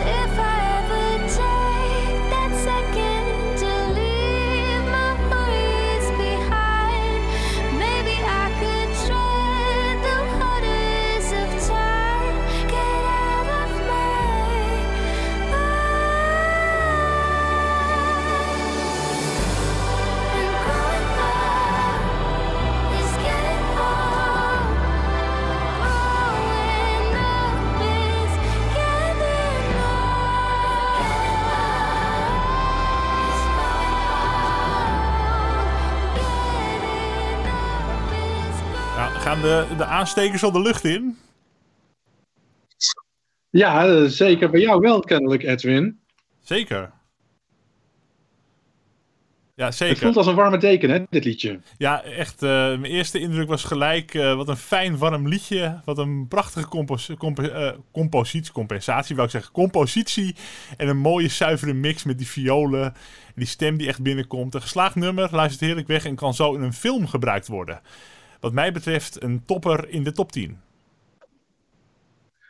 Oké, nou, dat, eh, dat belooft wat. Eh, Katja, ben jij het daarmee eens? Ja, nou, ik zei het al eerder. Ik, ik ben te veel aan het vergelijken met vorig jaar. En Ja. ik trapte mezelf er eigenlijk op dat ik dat bij dit liedje ook deed. Ik ben Bulgarije, vorig jaar was ik echt direct verkocht. Zo mooi, zo sprookjesachtig. En eh, ik ging vergelijken met het liedje van vorig jaar. Al die liedjes van, hè, want ze heeft zes nummers uitgebracht. En ze heeft dan, eh, er is gevraagd aan mensen op social media of die dan wilden stemmen. Hè, wat het mooiste eh, Ja. liedje is. En ehm, ja, ik heb die zes nummers ook maar afgeluisterd. Dacht ik, ja, maar dat is niet vorig jaar, dat is niet vorig jaar. En toen dacht ik, nou moet ik stoppen. Ik moet het gewoon op een, als een op zichzelf staand liedje zien. En toen, ja, toen, toen gingen mijn ogen open. Toen dacht ik, eigenlijk is het dan gewoon heel erg goed. Dus het is eh, ja, ongetwijfeld een topper. Heel mooi stemgeluid heeft zij. Ja, vind ik ook. Het is echt, eh, wederom is het hè, een beetje Billie Eilish-achtig. Ik weet nog dat ik vorig jaar zei van, het, het is alsof er een engeltje op een wolkje zit. Eh, dit ja, het is gewoon leuk en charmant. En inderdaad sprookjesachtig, zoals je zegt, eh, Katja. En ehm, toch van die zes geselecteerde liedjes vind ik dat er betere tussen zaten dan, dan dit. Ik persoonlijk was enorme fan van het liedje Ugly Cry. Eh, eh, en laten we hopen dat Bulgarije er iets moois van kan maken. Ehm, dan ja, de emotie van het nummer zit er absoluut in. Maar ik vind het toch minder eh, dan vorig jaar. Per saldo noem ik het toch een middenmotor, maar wel dan aan de bovenkant van de middenmotors. Frank? Ja, eh, Edwin, ik vergeef het je als je het volgende uitspraak weg gaat piepen, maar ik vind dit zo zaaddodend. Ik heb hier zo niks mee. Ik, zo'n jong kind met van die filosofische teksten, growing up is getting old, Jezus. Als je dan met filosofie naar het Songfestival komt, dan doe je wat Jean-Gu zegt en die zingt gewoon They spat on your crown and poisoned your ground. Kijk, dat zijn filosofische teksten waar ik wat mee kan aangezien ik mezelf niet compleet verschut wil zetten in deze podcast. Eh, voor mij stond het eigenlijk niet finale waardig, maar ik geef hem maar een push naar de middenmotor en ik ben er nu wel klaar mee. Ik Nou, weet Frank, het is wel opvallend. Je hebt vijf inzendingen besproken. En alle vijf zijn het middenmotors. Ja, maar ik had echt waarheidsgetrouw. Ik had voordat we aan deze lijst begonnen, heb ik Aha. al mijn liedjes al ingeschaald op. En ja, deze ehm, zat voor mij echt in niet-finale waardig. Maar het staat zo hoog bij de boekmakers. En ik hoor nu ook jullie Nee, maar je moet gewoon je eigen mening. Het gaat om wat jij vindt en wat jij toch. Want als ik, als ik alles ga opschuiven naar wat ik denk dat er gaat gebeuren, dan krijg ik ook een hele andere. eh, Oh, kijk, oh wacht. Ja, kijk, dit zijn dan dominante teksten waar ik wel van hou. Dus Oh, dan ga ik naar Katja dominant. luisteren. Ja, luister naar En- mij, Frank. Juist. Ja. Dus inderdaad Als gewoon jij het niet vindt, finale Ja, waardig. heerlijk. Lekker een tegendraads geluid, daar hou ik van. Ik ga je niet censureren Dus hoor, eh, die mag je noteren, Richard. Ja, nou, daar, daar moeten we het mee doen. En ik vind het alleen maar interessant, eh, al die discussies die we over al die inzendingen hier hebben. En we hebben in totaal, zei ik al, twaalf eh, juryleden. We hebben nu het oordeel gehoord van vier juryleden. Dat zijn wij vieren. En we gaan er nog eens de, de volgende eh, drie gaan we, hebben het voor ons ingesproken. Daar gaan we even naar luisteren. En laten we beginnen met de punten van Johnny van Riel. Hoi Richard, hierbij mijn beoordeling van Albanië, Australië, Azerbeidzjan, België en Bulgarije. Albanië blijft met Anxela en Karma trouw aan hun eigen songfestivaltraditie. Een typische Albanese inzending met flink wat uithalen, maar een paar nummers later in de show is de kijker dit weer vergeten: een middenmotor. Australië stuurt zoals gewoonlijk een goed geproduceerd lied, genaamd Technicolor, maar ik ben niet zo'n fan van het stemgeluid van Montaigne. Gelukkig heeft ze haar clownsoutfit van vorig jaar in de kast laten hangen voor haar huidige inzending, een middenmotor. Azerbeidzjan mag wat mij betreft winnen dit jaar. Matahari van Effendi is echt een heerlijk lied met een goede vibe. Ze sturen etnische muziek met een Nederlands randje en daarmee slaan ze wat mij betreft de spijker op de kop. Hooverphonic van België is een zeer gewaardeerde band, wat mij betreft. Maar dit monotone niemandsdalletje genaamd The Wrong Place gunnen ze de kijker een plaspauze. De titel zegt het al, ze zijn op de verkeerde plaats, niet finale waardig. Ik denk dat Victoria vorig jaar zeker de top 3 had gehaald voor eh, Bulgarije met haar lied Tears Getting Sober. Maar ik denk niet dat ze datzelfde gaan bereiken met Growing Up is Getting Old. Het is een prima lied voor de rechterzijde van het scorebord in de finale. Victoria is wel echt een goede zangeres. Wie weet verrassen ons. Een middenmotor wat mij betreft. Dankjewel Johnny. En we gaan door met de beoordeling van Aran Bader. Goedenavond eh, Richard en alle andere gasten. Fijn allereerst dat Songfestival Koorts gewoon doorgaat in de tijden van corona. De, alle maatregelen die we hebben is het top dat jullie gewoon wel eh, een podcast maken. En hopelijk zien we elkaar in Rotterdam, wat natuurlijk eh, fantastisch zou zijn. Nou, een nieuwe puntentelling eh, zoals ik al zag. Ehm, maar daar gaan we gewoon eh, het helemaal goed mee doen. Want eh, ja, de eerste punten zijn binnen. Hier komen ze. Allereerst Albanië niet finale waardig. Sorry Katja, ik denk dat jij daar anders over denkt, maar daar ben ik heel benieuwd naar. Australië, een topper. Dat wordt zeker een top, top 5, top 10. Azerbeidzjan, middenmotor. België, middenmotor. En Bulgarije uiteindelijk, dat is mijn tweede topper. Tot zover en eh, een hele fijne avond en eh, tot de volgende keer. Hey, dankjewel Aran voor je punten. En we schakelen door naar Noord, eh, Noord-Nederland. En daar zit Margreet de Heer. Hallo Richard, met Margreet hier vanuit een hotelletje in Pieterburen op het moment. Wat ontzettend leuk dat eh, je me gevraagd hebt om mee te doen met de Songfestival Kort podcast. En, ik zal nu de eerste vijf liedjes eh, beoordelen. Als eerste eh, Albanië met Angela Peristeri, Karma. Mooie stem, mooi decolleté, maar ik denk dat het eh, echt een middenmootliedje is. Ehm, Montaigne uit Australië met Technicolor. vond ik wel heel mooi om in, te zien. Het clipje, een stoer, stoer wijf. Waanzinnige stem. Maar er wordt niks spannends gedaan met het liedje. Dus wat mij betreft ook een middenmoot. En eh, vervolgens Azerbeidzjan. Effendi van, eh, met eh, Matahari. Ja, die vind ik eigenlijk wel heel erg leuk. Hoewel het misschien, misschien is het stiekem een mi- middenmootliedje, maar ik zet hem bij de toppers. Ook natuurlijk omdat Matahari eigenlijk een Nederlandse spion is. En eigenlijk was ze Margreet uit Leeuwarden. En ik ben zelf ook Margreet uit Leeuwarden. Dus deze mag van mij een topper worden. Ook omdat hij heel, erg- me heel erg doet denken aan eh, Lion of Love uit de Eurovision eh, film Fire Saga. Die vond ik ook erg leuk. En dan hebben we België met eh The Wrong Place van Hooverphonic. Tja, een weird, weird liedje. Ik weet het eigenlijk niet, maar hij, hij grijpt me niet. En daarom denk ik dat het toch een, een flopper is voor mij. En als laatste Bulgarije, Victoria met Growing Up is Getting Old. Wat een ontzettend mooi lied. Ik heb er al eh, traantjes om moeten laten. Dit is voor, wat mij betreft een absolute topper. Oké, dat was het. Eh, tot de volgende week. Doeg! Hey, dankjewel uh, Margreet. En uh, dan hebben we inderdaad gelukkig nog twee andere juryleden een potentiële winnaar toegewezen gekregen. Margreet hoorden we stemmen voor, voor Bulgarije en Johnny hoorden we stemmen voor Azerbeidzjan. Er zijn er meer potentiële winnaars. Hey, we hebben nog vijf andere juryleden. Die heb ik op één hoop gegooid. Ik kom zo met de uitslag erover. Esma Jansen denkt ook dat Bulgarije een potentiële winnaar is dit jaar. Dus we zijn het, eigenlijk zijn we best wel zuinig geweest uh, met het uitroepen van potentiële winnaars. Nee, ik zie Niels, Niels Kalkman, ook Bulgarije potentiële winnaar benoemd.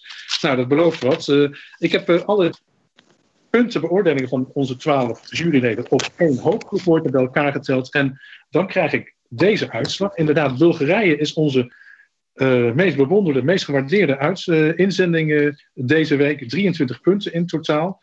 En daaronder Azerbeidzjan, 17 punten. Dan zijn we ook nog wel te spreken over Australië met 13 punten. Maar onze Songfestival Course jury is minder te spreken over België, 11 punten. En al helemaal niet over Albanië, heksluiter van deze uitzending, met 9 punten. Viel er nog iets op, Katja, in de, in, uh, in de puntengevers? Uh, nee, nou ja, dat, dat België niet heel goed scoort. Toch? Nee, ik heb wat afwijkende smaak. Volgens mij heb je dat net ook al gezegd, of niet? Ja, ik wilde het nog even benadrukken. dat je beter luistert volgende keer. Oké, okay, nou, wat mij betreft, volgende week zijn we weer terug. Maar mag ik ook nog iets zeggen? Tuurlijk. Over lekker tegen draad gesproken. Ik hou ervan. Uh, mensen hebben altijd zeggen, altijd roepen, altijd een podcast mag maar 25 minuten duren. Nou, wij zitten gewoon lekker anderhalf uur te ouwe hoeren over het Songfestival. Maar wie zegt dat? dat een podcast maar, wie zegt dat een podcast maar 25 minuten mag? Ja, dat is juist kijk, mooi van een podcast, die mag zo lang duren. Daarom. Maar het is zo'n beetje wat je dan terugkrijgt. Oh, het duurt te lang. En het, als je van het Songfestival houdt, dan kun je er niet lang genoeg naar luisteren. Gaan we het keer mee in Frank? Um, ik ga ook met jullie om. Ja, dat is waar. Maar wij hebben verstand van podcast. Balans houden heet dat. Dankjewel in ieder geval allemaal voor het, voor het luisteren. Uh, volgende week gaan we door met de beoordelingen. En uh, de landen die dan aan de beurt zijn, zijn uh, C tot en met F. Dus Cyprus, Denemarken, Duitsland, Estland en Finland. nogmaals, hartelijk dank voor het luisteren. Dank Frank dat je als gast erbij wilde zijn. Heel leuk. Dankjewel voor de uitnodiging. En wat mij betreft, de luisteraars, tot volgende week. Volgende week. Volgende week. Hé, hey, er brandt een, uh, een, lampje hier. Even op drukken.